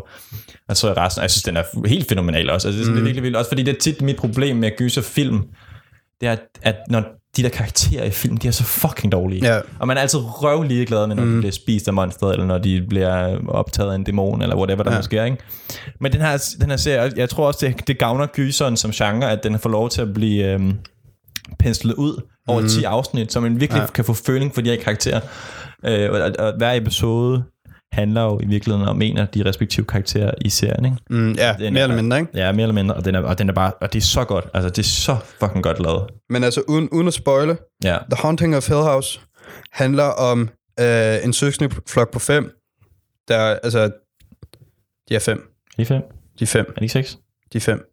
Okay. Øhm, som, Eller øh, de, de vokser alle sammen op i et hus, øh, da de var børn, øh, der var hjemsøgt. Ja, de er fem. Hold nu op. Jeg til, undskyld. De, de vokser alle sammen op i et hus, der er hjemsøgt, øh, da de var små. Og det, er- altså, det er præmissen, det er ikke nogen spoiler det her, men øh, det ender så med, at det her hus, det jager dem væk. Ja, Øh, og moren, hun begår selvmord i det. fem minutter af episode 1 i virkeligheden, ikke? Ja, det finder man ud af stort set lige med det samme. Man finder også ud af lige med det samme, at den femte søster, den yngste Ja, søster, øh, nej, det skal vi nok ikke sige. Hun... Øh, hvad? Det skal nok ikke sige. Det skal jeg ikke sige. Nej. Lad os bare sige, at der er... At det der hus, det her hus er ligesom ikke færdig med dem, selvom Nej, de er flyttet okay. fra. Lad, lad os sige det sådan så. Lad os bare sige så. Og de alle sammen, de mødes så igen Øh, de er, øh, bliver knyttet til hinanden omkring nogle traumatiske begivenheder, de bliver nødt til at tage hånd om. Ja, præcis. Øhm, og øh, det gør, altså, de har jo ikke særlig meget kontakt med hinanden. Nej. Øh, fra start af har. overhovedet, nogle af karaktererne. Og de er alle sammen, de har behandlet de her traumer, den har så på forskellige måder. Ja. Der er en karakter, som, øh, som kan mærke sådan der, er det sådan lidt halvklaverjant. Ja, Og vi har nogen, som, øh, vi har en, der... Sådan følsomme evner, ikke? Han Ja, kan lige sådan mærke præcis. og se folks... Øh, Øhm, ja, alt muligt. ja, og så har vi øh, en karakter, som er øh, misbruger. Ja, han er narkoman. Så, han er simpelthen øh, gået psykisk ned af de Ja. ting, han har oplevet. Altså, de er som er søskende, ikke? Og så ja. Har vi så en, en bror, som øh, faktisk aldrig rigtig har som barn oplevet nogle af de her paranormale begivenheder i huset, mm. men simpelthen stadig kapitaliseret på dem Han ved er- at skrive en roman om dem, Ja. øh, og, og sådan tjene penge på alle de rædsler, Han familien er har været igennem. en, en virkelig sådan, øh, kendt forfatter af at skrive ja. historier om Og han ting, er rigtig, har rigtig upopulær i familien for det, ikke? Ja. Så på den måde, så kan man sige, at familien, den er, den er, øh, Familiedynamikken er i hvert fald øh, ikke den er så splittet ad. Og Øh, de kan heller ikke lide faren Nej. af forskellige årsager og sådan noget. Ja. Men så mødes de simpelthen på baggrund af nogle traumatiske begivenheder, og så bliver de simpelthen nødt til at konfrontere hinanden, de bliver nødt til at konfrontere sorg, de bliver nødt til at konfrontere traumer, Ja. og det gør de på øh, måder i et manuskript, som jeg næppe har set mere velskrevet i noget andet tv før nogensinde. sindssygt. Øh, kameraføring, øh, scenografi, som er fuldstændig fænomenal, øh, filmiske virkemidler, der er helt op at ringe med det allerbedste af det allerbedste i en serie, der har så sindssygt mange lag. Mm. Og det, der er fedt ved den, det er, at når man for eksempel ser øhm, perspektivet for en af de søskende, så ser man måske en begivenhed i episode 2, Mm. og så i episode 3, så hører man om en anden karakters historie. Og så, øhm, hvad hedder det, og så hører man faktisk den samme historie, men bare fra et andet perspektiv. Ikke? Ja. Så sådan, at der kommer hele tiden lag på, og man, øh, langsomt så bliver øh, seeren, øh, det bliver åbnet mere og Ligesom mere op for der information, ligesom og man ikke? sidder sådan og bliver, bliver totalt sulten Ja. af at vide, hvad der foregår. Mm. Øh, og samtidig så, øh, så er der sådan en glimt mellem nutid, hvor de er voksne, og fortid, hvor de er børn, og sådan øh, kommer der hele tiden en klip frem og tilbage Mm. i, i glimt, i flashbacks og nutid, og så begynder man bare langsomt at kunne forstå, hvordan nogle af de her øh, søstre, de simpelthen har så stort had til hinanden, Ja. eller at, at der er så meget sorg, og der er så meget øh, bæren af, Mm. øh, som er så, øh, så forfærdeligt. Og det er bare en serie, der er øh, trist og sørgelig og hård og barsk og skræmmende, øh, og, og fuldstændig fænomenal og fantastisk. Ja. Altså, Øhm. hvis man ikke er til gyser, altså sådan, så kan jeg godt forstå, at man tænker, at det, det har man ikke lyst til at se. Men sådan, Ja og det er også måske, det lyder dumt, men fucking se den alligevel, fordi mm den er røvhyggelig. Altså, Man, det er- kommer til, man kommer til at misømme noget. Se det med en ven i stedet for. Ja, Helt se det med din, din kæreste, eller se det med en kammerat. Eller, Mm. jeg, jeg gjorde det, jeg satte mig i, i stuen og tændte der for pejsen, og så når det blev hyggeligt, så kiggede jeg bare ind i ilden. Sådan der. Ja. Så tog jeg hø- høretelefonen af og kiggede ind i ilden. det hjælper mig, ikke? Sådan er det. Så man, Ja. man gør alle mulige ting. Men Så må man kommentere. den, var, den var synes, virkelig, virkelig god. Og sådan, jeg var totalt på røven over det, fordi jeg mm. hader almindelig, eller jeg hader ikke gyser. Jeg godt lide sådan, det der med at blive skræmt og sådan Det synes jeg er meget spændende. Men, men jeg, jeg synes bare, at gyserfilm generelt er fucking lortet. Den er, den er, den er, den er øh, manuskriptmæssigt og scenografisk sådan alt det, som Stranger Things kunne have været. Ja, sæson 2 i hvert fald. Ja, men jeg synes, jeg synes også, den er bedre end sæson 1. Det synes jeg ikke. Det synes du ikke? Nej. Jeg synes, det er øh, hands down den bedste serie, jeg nogensinde har set. Ja. Og jeg synes, jeg har set flere serier. Jeg har set Stranger Things, jeg har set Game of Thrones, jeg har set Vikings, jeg har set, set alt muligt. Det er nok ikke, det er nok en, ja, det er min, den er på min Og- top 5 i hvert fald. Jeg synes, The Haunting of Hill House, jeg ved ikke om den, den rørte virkelig også noget i mig. Ja. Med dybt dybt plan, og jeg blev så påvirket, og jeg, kunne, jeg tog mig selv i at sidde og, og småtude, sådan at Ja, det gør få tårer i øjnene flere gange. Specielt den- den er simpelthen- med, det- med, med lillebroren og spoil noget. Uh, Ja. uh, Uh, og det er simpelthen, simpelthen så... jeg Øh, som en fucking baby, ikke også? Shit, bro. simpelthen så, øh, så barst. Og, øh, øh, altså, du ved, jeg, jeg har været på en anden der, og jeg sad bare sådan der og revideret i mit liv, efter jeg tænkte sådan der, jeg tænkte bare, shit mand, det her, det er virkelig åbnet mine øjne op for et eller andet, ikke? Ja, ja. Så helt sikkert The Haunting of Hill House. ja den får Giv det en chance. øh, Se det med en ven. Se det med en kæreste. Ja. Se det, se det med din kat. Din hund. Ja. Se det med en date, og så, så er de nødt til at se det sammen igen. Og hvis du rigtig hardcore, så se det alene, for det er noget af det mest uhyggelige, jeg nogensinde har set. Jeg kan godt blive en med mig selv om. Ja, den Enig dig. jeg vil sige, den er meget uhyggelig de første, lad os sige, 3-4 episoder, og så bliver det lidt nemmere, fordi så vender man, det kan også være, fordi man vender sig lidt til det, men, den, men Ja. det bliver på en eller anden måde lidt nemmere, når, når den kommer længere ind i serien. Mm, Jeg tror også bare, jo mere man bliver knyttet til karaktererne, øhm, jo mere bliver det, bliver det sorgen og følelserne, og, og alle de ting, der ja. også ligesom, øh, tager en større og større rolle, øh, ja. Øh, når man ser det. Ja. Men det er simpelthen så uhyggeligt. Altså, øh, Altså, når jeg, når jeg er begyndt, så bare glæder jeg til episode 6. Og Mike Flanagan, han, er jo også, han har jo også i bagagen flere gyserfilm. Ja. Han ved, hvad han laver. Og det her, det er hans mest ambitiøse og mest fantastiske projekt. ja. Og hvis ikke, hvis ikke den her, det bliver et totalt kult serie, som alle har set, så er det, fordi det er en gyser. Og folk, Ja. de føler sig afskræmt af det, fordi at den har alt det, der skal til. Og endnu mere, hvis du spørger mig. Den er fantastisk. Den er virkelig god. The Haunting of Hill House. Gå ind og se den Den får 6 stjerner. på Netflix. Den er på Netflix. Den er på Netflix Og nu. det er... Øh, Der er ikke nogen undskyldninger, fordi alle har Netflix på den ene eller den anden måde. Så gå ind og se den. ellers så lån din kæreste. Eller lån din Eller din kammerat. ven. Eller din kat. Ja. Yes. Og det, det kan vel næppe, jeg kan vel næppe tale mere entusiastisk resten af podcasten, end, end The Haunting of House. Ej, nu går det ned ad bakke, for nu, nu bliver det lorteprogram. Ja, jeg kunne blive ved. Jeg kunne blive ved, helt seriøst. Den er nu stopper jeg dig. Victor. Nu stopper jeg dig. Øh, skal stopper mig nu. Vi skal videre i programmet. Og det skal vi nemlig. Nu skal vi se nogle news. Øh, og nogle, ja, det er også en lidt diskussion på den ene eller anden måde. Det bliver, det bliver i hvert fald, uh, etikaspektet af juvenilstationen kommer. Kommer, bliver blomstret nu. Det blomstrer øh, rigtig meget. For det, der sker, det er, at der er en dansk filmfestival, der hedder Mix Copenhagen, øh, som har bandlyst alle mm-hmm. film, Ja. hvor i at en transkønnet rolle ikke bliver Mhm. spillet af en transkønnet skuespiller. Ja, Øh, det skal lige siges, at det er LGBTQ communityen, øh, som, som, som har den her står festival. for den her festival. Det står for den. Ja, det skal lige siges. Det, ja. Så selvfølgelig så er det jo med, med den i øh, bag øret, at man lige skal øh, Ja. kigge på det her, ikke? Ja, øh, men det er, ja, altså man kan sige, jeg har ikke rigtig hørt om den her filmfestival før, og det kan være mig, der er uoplyst, det ved jeg ikke. Øhm, men ikke desto mindre, så er det i hvert fald, jeg ved ikke, jeg ved ikke om det er kontroversielt, det er det jo ikke Mm. på sin vis, men det er i hvert fald Ja, det- provokerende på en eller anden måde for Ja. mange mennesker, kunne jeg forestille mig. Men du skal lige huske på, øh, for øh, nogle måneder siden, så blev øh, Scarlett Johansson udskilt så meget af det LGBTQ-community, fordi at hun skulle spille en transkønnet, selvom hun selv er det, man kalder ciskønnet. Ja, Øh, og, og det blev simpelthen så slemt, at hun var nødt til at trække sig for rollen. nå. Øh, og det, er jo- det er jo sådan en stor Hollywood-film, Ja. ja. der, som, som hun bare ikke kunne spille, fordi der var så meget kritik omkring det. Så det, det her med, at, øhm, at øh, ciskønnet ikke kan spille transkønnet, det er ikke en ny ting. Øh, Og lige til dem, der lytter med, så, så hvis man er ciskønnet, så det vil altså sige, at man, er, man identificerer sig med det køn, man er født med. Ja, Så hvis man er, hvis man er mand og identificerer sig som mand, så er man cis. Og hvis man er kvinde og identificerer sig som kvinde, så er man cis. Ja. Hvorimod, at hvis man nu er mand og identificerer sig som kvinde, så er man transgender. Eller, altså, så er det i hvert fald der, at nogle af de andre termer bliver, kommer i brug. Nu har Ja, jeg altså- ikke, øh, nu skal jeg lige, lige understrege, at jeg er rimelig uoplyst. Ja, jeg skulle sige, øh, Victor er ikke eksperter i det her. øh. Men, men i hvert fald lige det med sidst, det ved jeg i hvert fald. Ja. Det var bare lige sådan her, så folk ikke undrer sig over, hvorfor man Ja. siger cis og sådan noget, ikke? Ja, øh, men altså, jeg synes, at det her, altså, det er jo ikke problematisk, det kan de jo selv om. Altså, det er jo, det er jo deres filmfestival, de kan gøre, hvad Ja. fuck de har lyst til, ikke? Men altså, bare præmissen, ikke? Fordi hvis, mm. altså, hvis et menneske, altså det jo det, som det der fucking ideen med at lave film og lave skuespil, det er jo, at man, laver, man leger, eller man spiller noget, man ikke, Mm. ikke er. Altså Ja. der er jo masser af, af film, som, hvor der er nogen, der spiller for eksempel homoseksuelle. Ikke? Ja. Ja. Brokeback Mountain, fantastisk film. Milk, øh, fantastisk film. Mm. Øh, Moonlight, fantastisk film. Altså alle tre film handler om at være homoseksuel, og jeg har, jeg har ikke, altså, åh, Men jeg, jeg tror, der er forskel på, øh, øh, øh, igen, jeg er rimelig uoplyst, ja, men det der med at være homoseksuel, og det der med at være transgender, ja.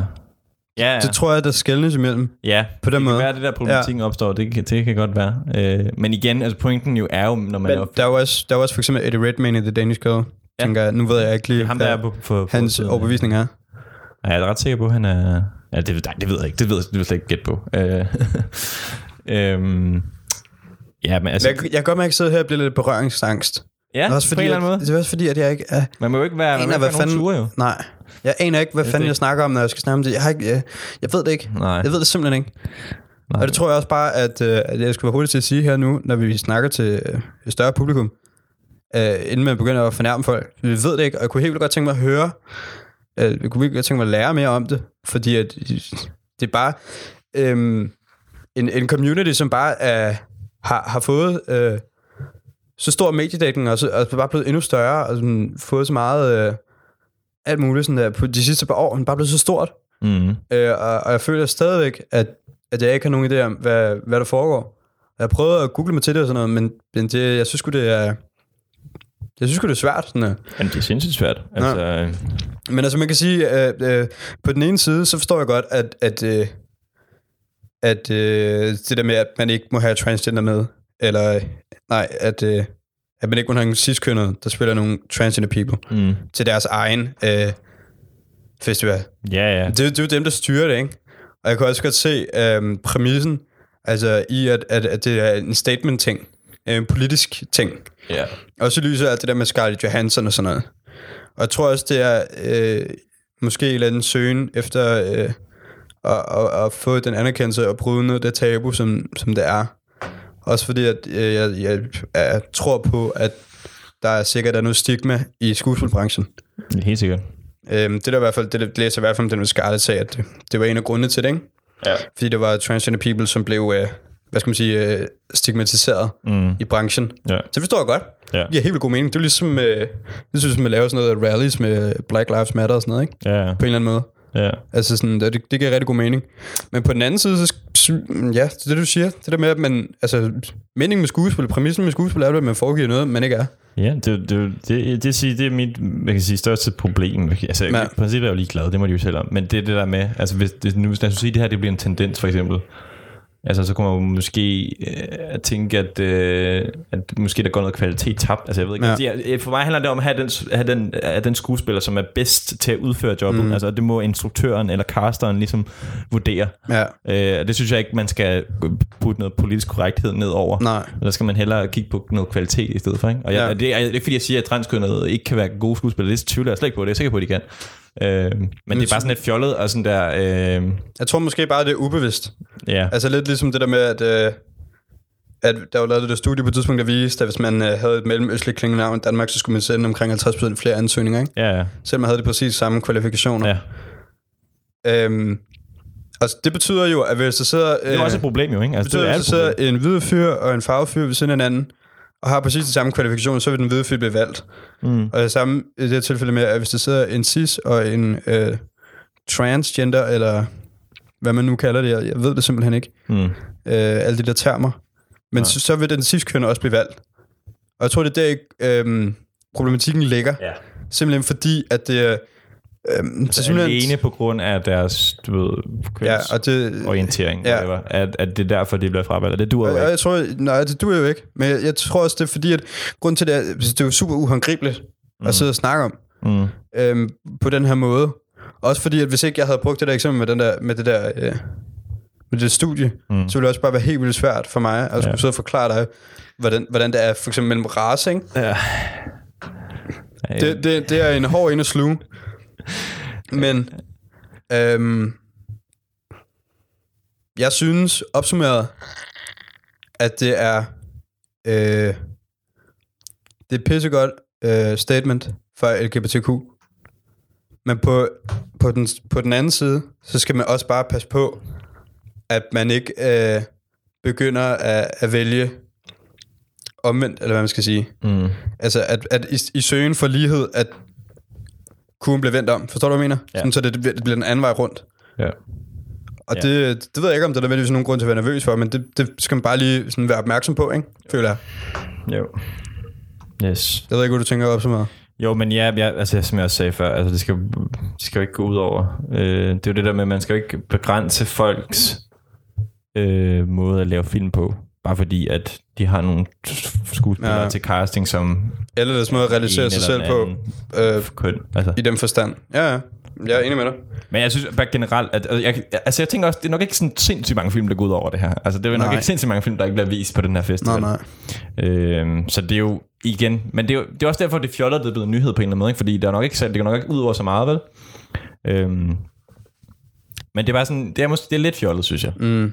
Men det, det forstår jeg godt. Det forstår jeg Øh, godt. Men det er jo, i, i, isoleret set er det ligegyldigt. Fordi Ja, ja. Det, øh, Men det, jeg, jeg kan bare mærke, at der, der er kommet så mange øh, øh, nyheder og sådan noget med LGBT-community, ikke? mm, Og jeg, mest af alt, så kunne jeg bare godt tænke mig sådan der, at møde en fra det der LGBTQ, som er, øh, har en, den orientering, vedkommende nu har, og så bare sætte mig ned med vedkommende, mm, og så bare øh, snakke om alt det der. ja, Fordi jeg, jeg kan mærke, altså, når jeg begynder at sidde og snakke om det her, altså, Jeg ved jo egentlig ikke, hvad jeg snakker om. Lidt på bare bunden lige nu. Ja, jeg kan jo godt, jeg kan jo godt gisne og have en holdning til, øhm, hvordan de har valgt at bandlyse de her film og sådan noget, ikke? Og sådan skuespil helt generelt, men jeg ved jo ikke øh, noget om LGBTQ. Altså, jeg har, jo- jeg har, jeg har googlet det. Jeg har læst om det. Ja, Men jeg føler mig bare ikke oplyst nok til at kunne sige noget om dem som community. det er folkeskolens skyld. Det skal folkeskolen have på øh, skemaet. Ja, det kunne faktisk næsten godt være, det skulle det. Ja, det ved jeg ikke. Det godt være trans, eller hvad sådan noget. Køns... Øh, øh, Kønsorientering. studie. Kønsstudie. Køns, køns Det kan man læse på RUG, det kan man ikke læse på, i folkeskolen. Nå. Alright. Øh, Men det var i hvert fald lidt om uh, Mix Copenhagen. Ja, det var lidt det. Og så øh, når vi... Nu skal vi videre, Victor. Øh, selvom det her var... Det var måske lidt på vores... Øh, vi var lidt på barbund her. Nu skal vi videre til noget, vi måske ved lidt mere om.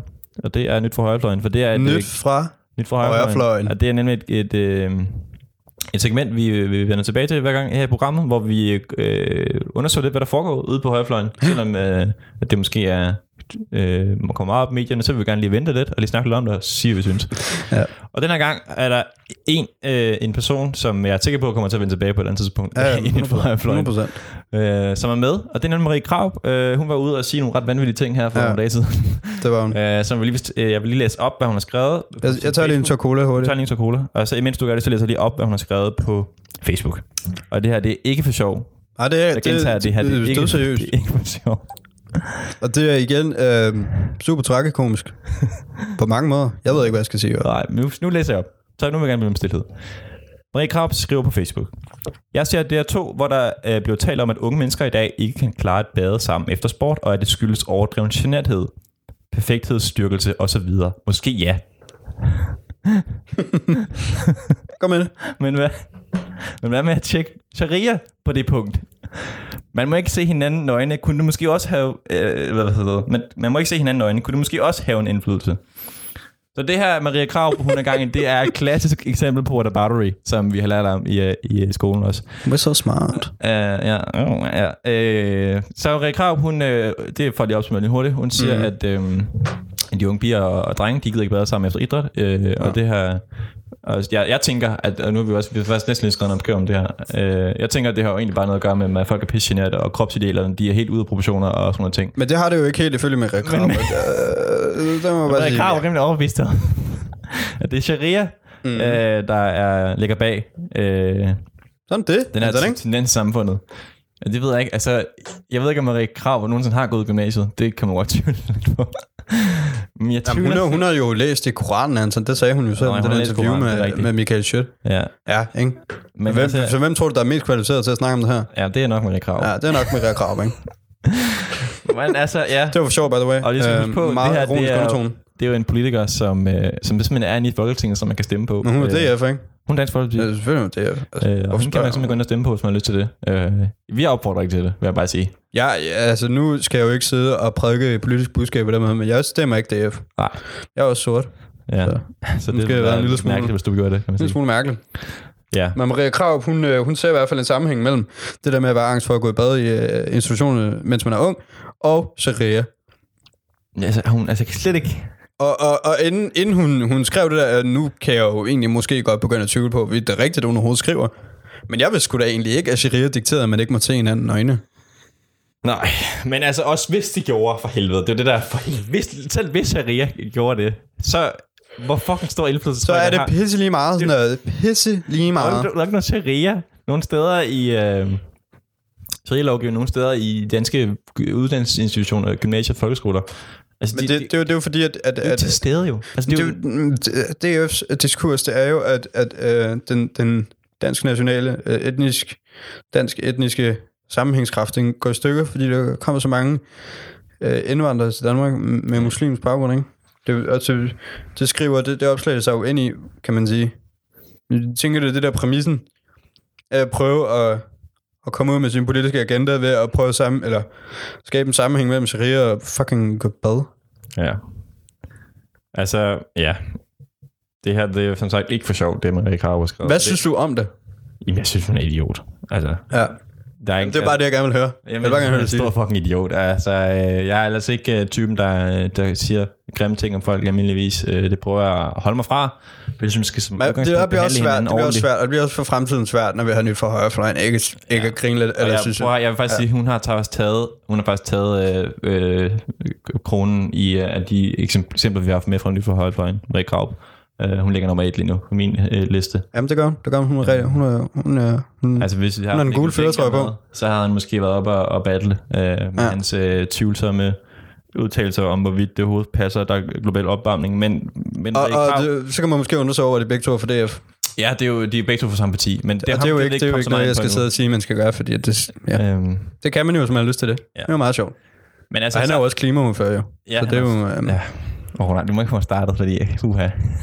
Jamen, det var bare, jeg synes bare, det er meget sjovt. Lige sådan Ja. reflektere over. Ja. Ja. Okay. Men det var vist lidt af det. Nu vi går vi videre. Maria Krav, Slut. mine damer og herrer. Fucking kæft, Maria Krav. Giv hende en applaus for at have den gule føretrøje på, for at være the biggest Men hun er... uh, derby derp.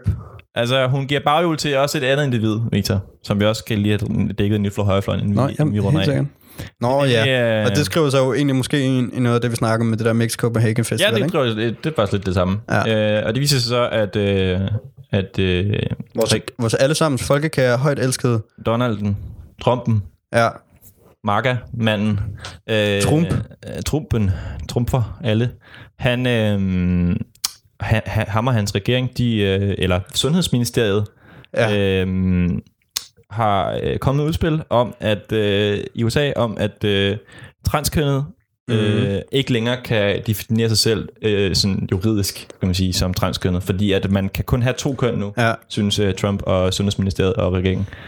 Nemlig, at det køn, man er født med fra Ja. fødslen, det er det eneste, øh, eneste køn, man kan have. Og det er jo så et, et XX eller et XY, og, ikke? ja, og deres, øh, deres argument for det, det er, øh, og nu citerer jeg fra, øh, hvad hedder det, artiklen fra Danmarks Radio, Ja. Danmarks Radio øh, nyhedshjemmeside. Øh, Sundhedsministeriet argumenterer i notatet for, at det er nødvendigt med en universel forskningsbaseret tilgang til køn, som er til at administrere. Altså, det er, det er altså øh, hvad hedder det, logistik, det går ud på, ikke? Mm. Derfor skal alle fremtidige stridigheder omkring køn udelukkende afgøres ved hjælp af genetisk test.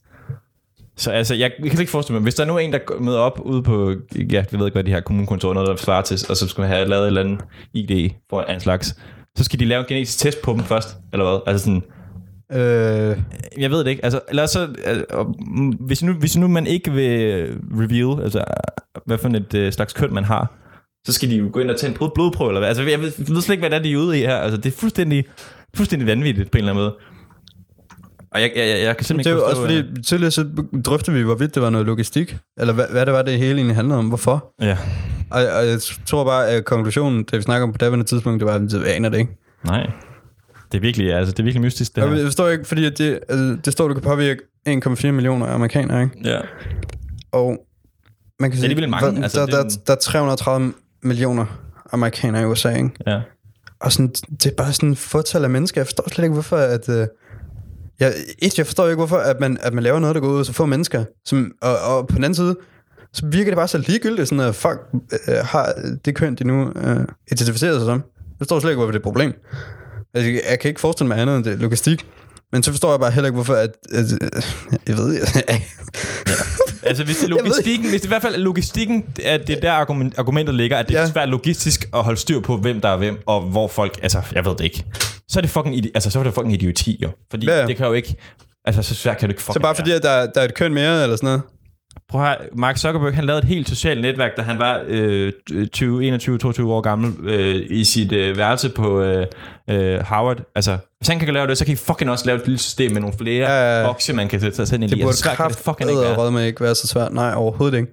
Men det er også fordi, at, at så man læser artiklen, så, så kan man læse om udspillet, øh, og de har tænkt sig at gøre det sådan noget, men man læser ikke rigtig, hvad argumentet er sådan helt præcist. Nej, ikke udover, at det har noget med logistik at gøre. Altså, det må Ja. være deres, det største. Det må være præmissen, ikke? Men altså, for helvede. Altså, du ved. Ja, jeg, jeg kan ikke... Jeg forstår bare ikke, hvorfor... Øh, øh, jeg ved ikke, jeg synes bare, det er helt vildt underligt. Ja, det, det er helt vildt underligt. Virkelig, det er sådan, altså det, han er må bare, ja. Han er jo bare en fucking bully, altså Trumpen. Men det er han jo bare. Jamen, han må være super hadfuld menneske. Jeg forstår bare ikke, hvorfor det kan være ligegyldigt det. Altså, man skal tænke på, der bliver brugt American tax dollars på det her lort mm. lige nu. Og de bliver brugt ressourcer på det her. Der er folk, der sidder og kigger på det her. Og, og, og, Og spilder deres tid i virkeligheden, ikke? der, altså, du ved, man kunne øh, fucking putte penge i at prøve at kurere kræft eller noget. Eller få det bedre selvfølgelig bare, selvfølgelig bare større problemer, ikke? Ja. Sådan der. Men USA er også generelt fucked, men det kan vi snakke om en anden dag. Øh, men nu er vi færdige med... Ja, don't get me started. Ja, Altså. don't get me started, lige præcis. Men nu er vi færdige med nyt fra på en dag, fordi vi skal lige tilbage. Ja, vi skal noget- tilbage til, øh, til en af de øh, tilbagevendende, Det som faktisk slutter i dag. Ja, det slutter i dag. desværre. Desværre. Vi skal snart, øh, der kommer nok noget nyt øh, i horisonten næste afsnit, Ja. tænker jeg. Vi havde lovet hinanden, øh, og vi fortsætter at love hinanden fremover. Eller det gør vi så ikke. Øh, vi lovede hinanden, at vi ville øh, se hinandens respektive yndlingsserier, komedieserier, var det så Te- det? tegnefilms komedieserier Ja. agtigt. Øh, og jeg sagde til Victor, at han skulle se noget Rick and Morty, og øh, Victor sagde til mig, at jeg skulle se noget South Park. Og vi havde aftalt, at vi ville se sådan tre afsnit øh, mellem hver episode. Og jeg har slugt alle tre sæsoner af Rick han har spist dem alle sammen. så vi er faktisk færdige inden for nu. Øh, men jeg har også næsten set hele sæson 19. Jeg har også snydt lidt, men jeg tænkte, Ja. at det var fint. Men du har så bare Har spist du, det hele. har du nogen, tænker jeg, øh, sådan overordnede ting, du har tænkt at sige om selve sæsonen, og måske South Park generelt, eller... Øh, hvad for en afsnit jeg så i går? Det var... Det var det der, hvor de, de, de klæder sig ud som ninjaer.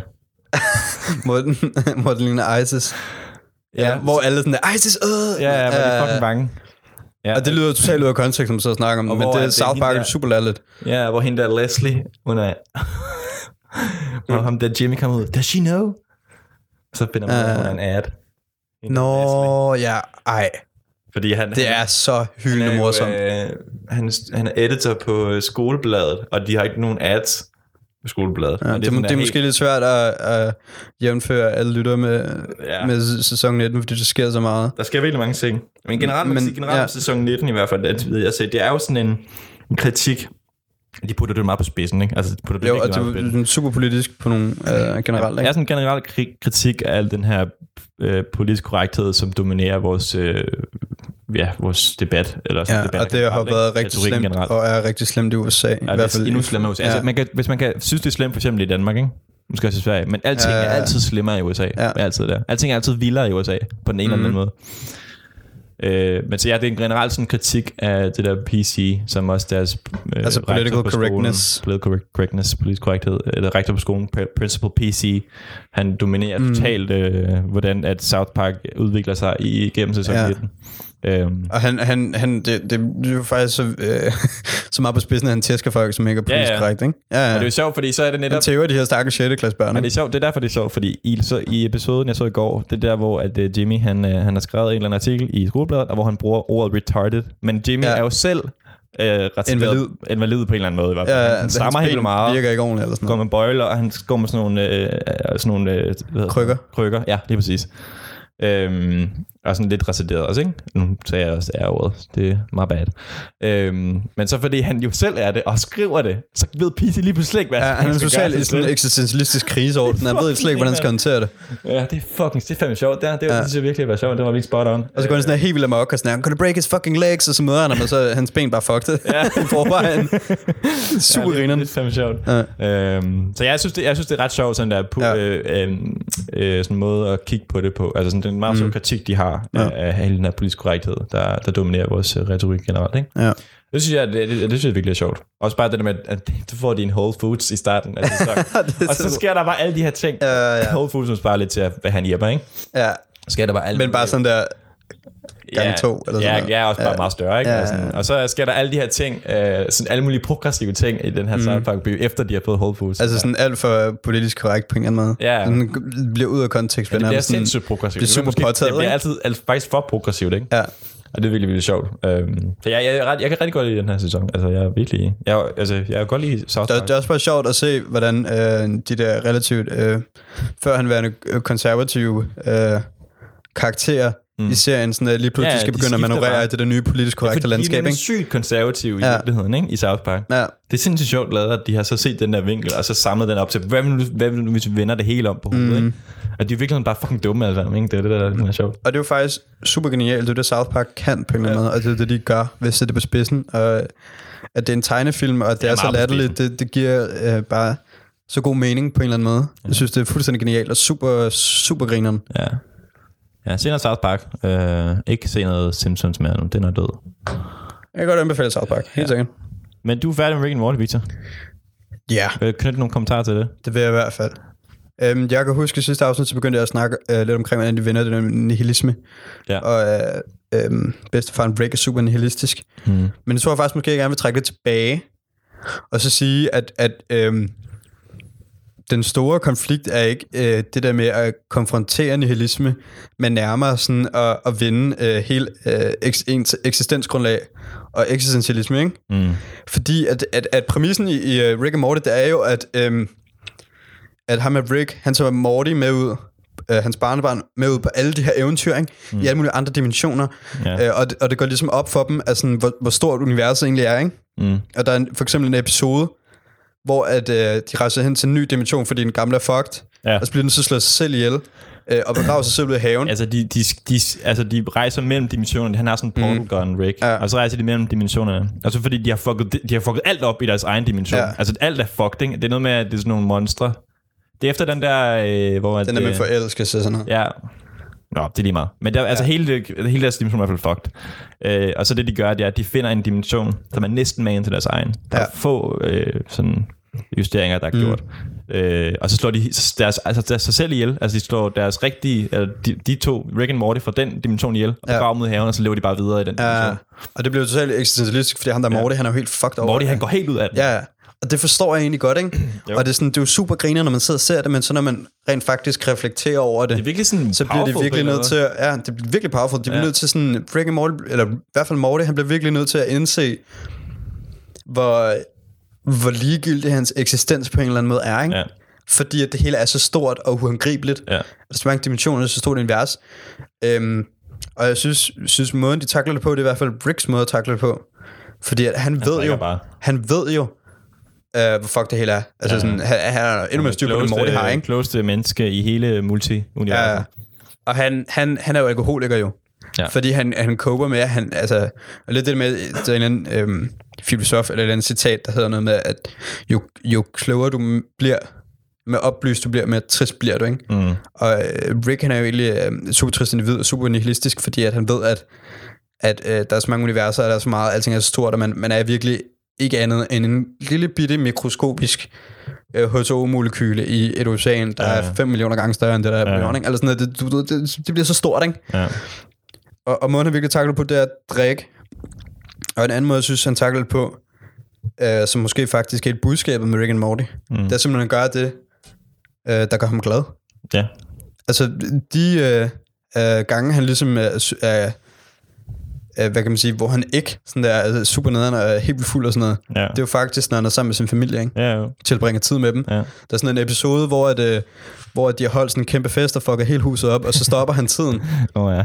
Og så, øh, og så bruger de sådan der, mens tiden er stoppet, så bruger de sådan der seks måneder Ja. på at gøre et hus rent sådan der. Ja. Og i mellemtiden, der, øh, der sådan der ser de film og øh, laver en masse hyggelige familieagtige ting, bare sådan øh, dem, eller Rick og hans øh, børnebørn, ikke? Mm.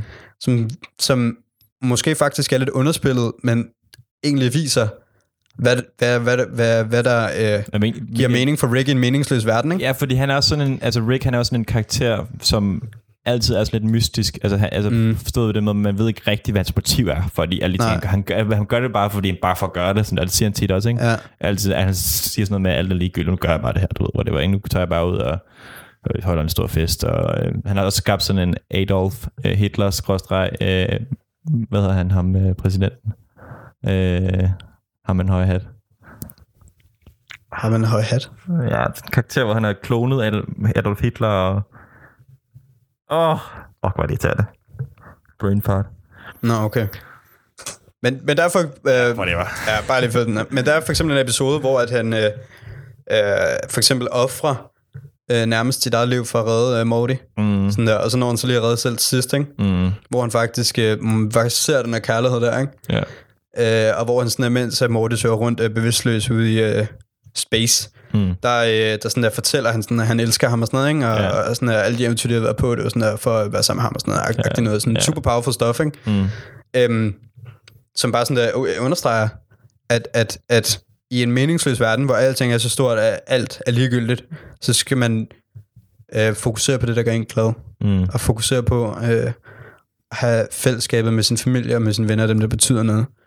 Fordi at hvis ikke man har betydning, eller, eller gør det, der betyder noget, jamen, så er det sgu egentlig ligegyldigt alt sammen, for det er egentlig ret fucking ligegyldigt i forvejen. Det, det er sådan lidt, sådan jeg føler, budskabet er. Ja, På en barsk måde, men også på en, på en, på en lidt romantisk måde et eller andet sted. Ja, altså det er, sådan, det er jo sådan Nietzsche, ikke? Altså, Ja. ja. Gud har jo ligesom forladt verden, ikke? Eller hvad, Ja. hvad, hvad kan man så? Så må man jo finde trøst. Ja.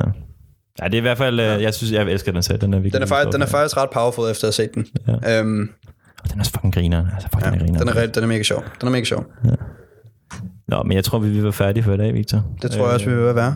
Det bliver, det bliver langt, den her episode. Ja. Men for lige til allersidst, øh, husk at gå ind og følge os på Instagram, hvis du har lyttet med så langt. Det kan man Ja. tvivle på, om folk har gjort. Husk at følge os på Instagram, øh, men, og følge os på Facebook, og følg mig på Twitter, øh, Bad Boy Tonton, og jeg gentager lige, det er Bad Boy B Bad B-O-I, Tonton.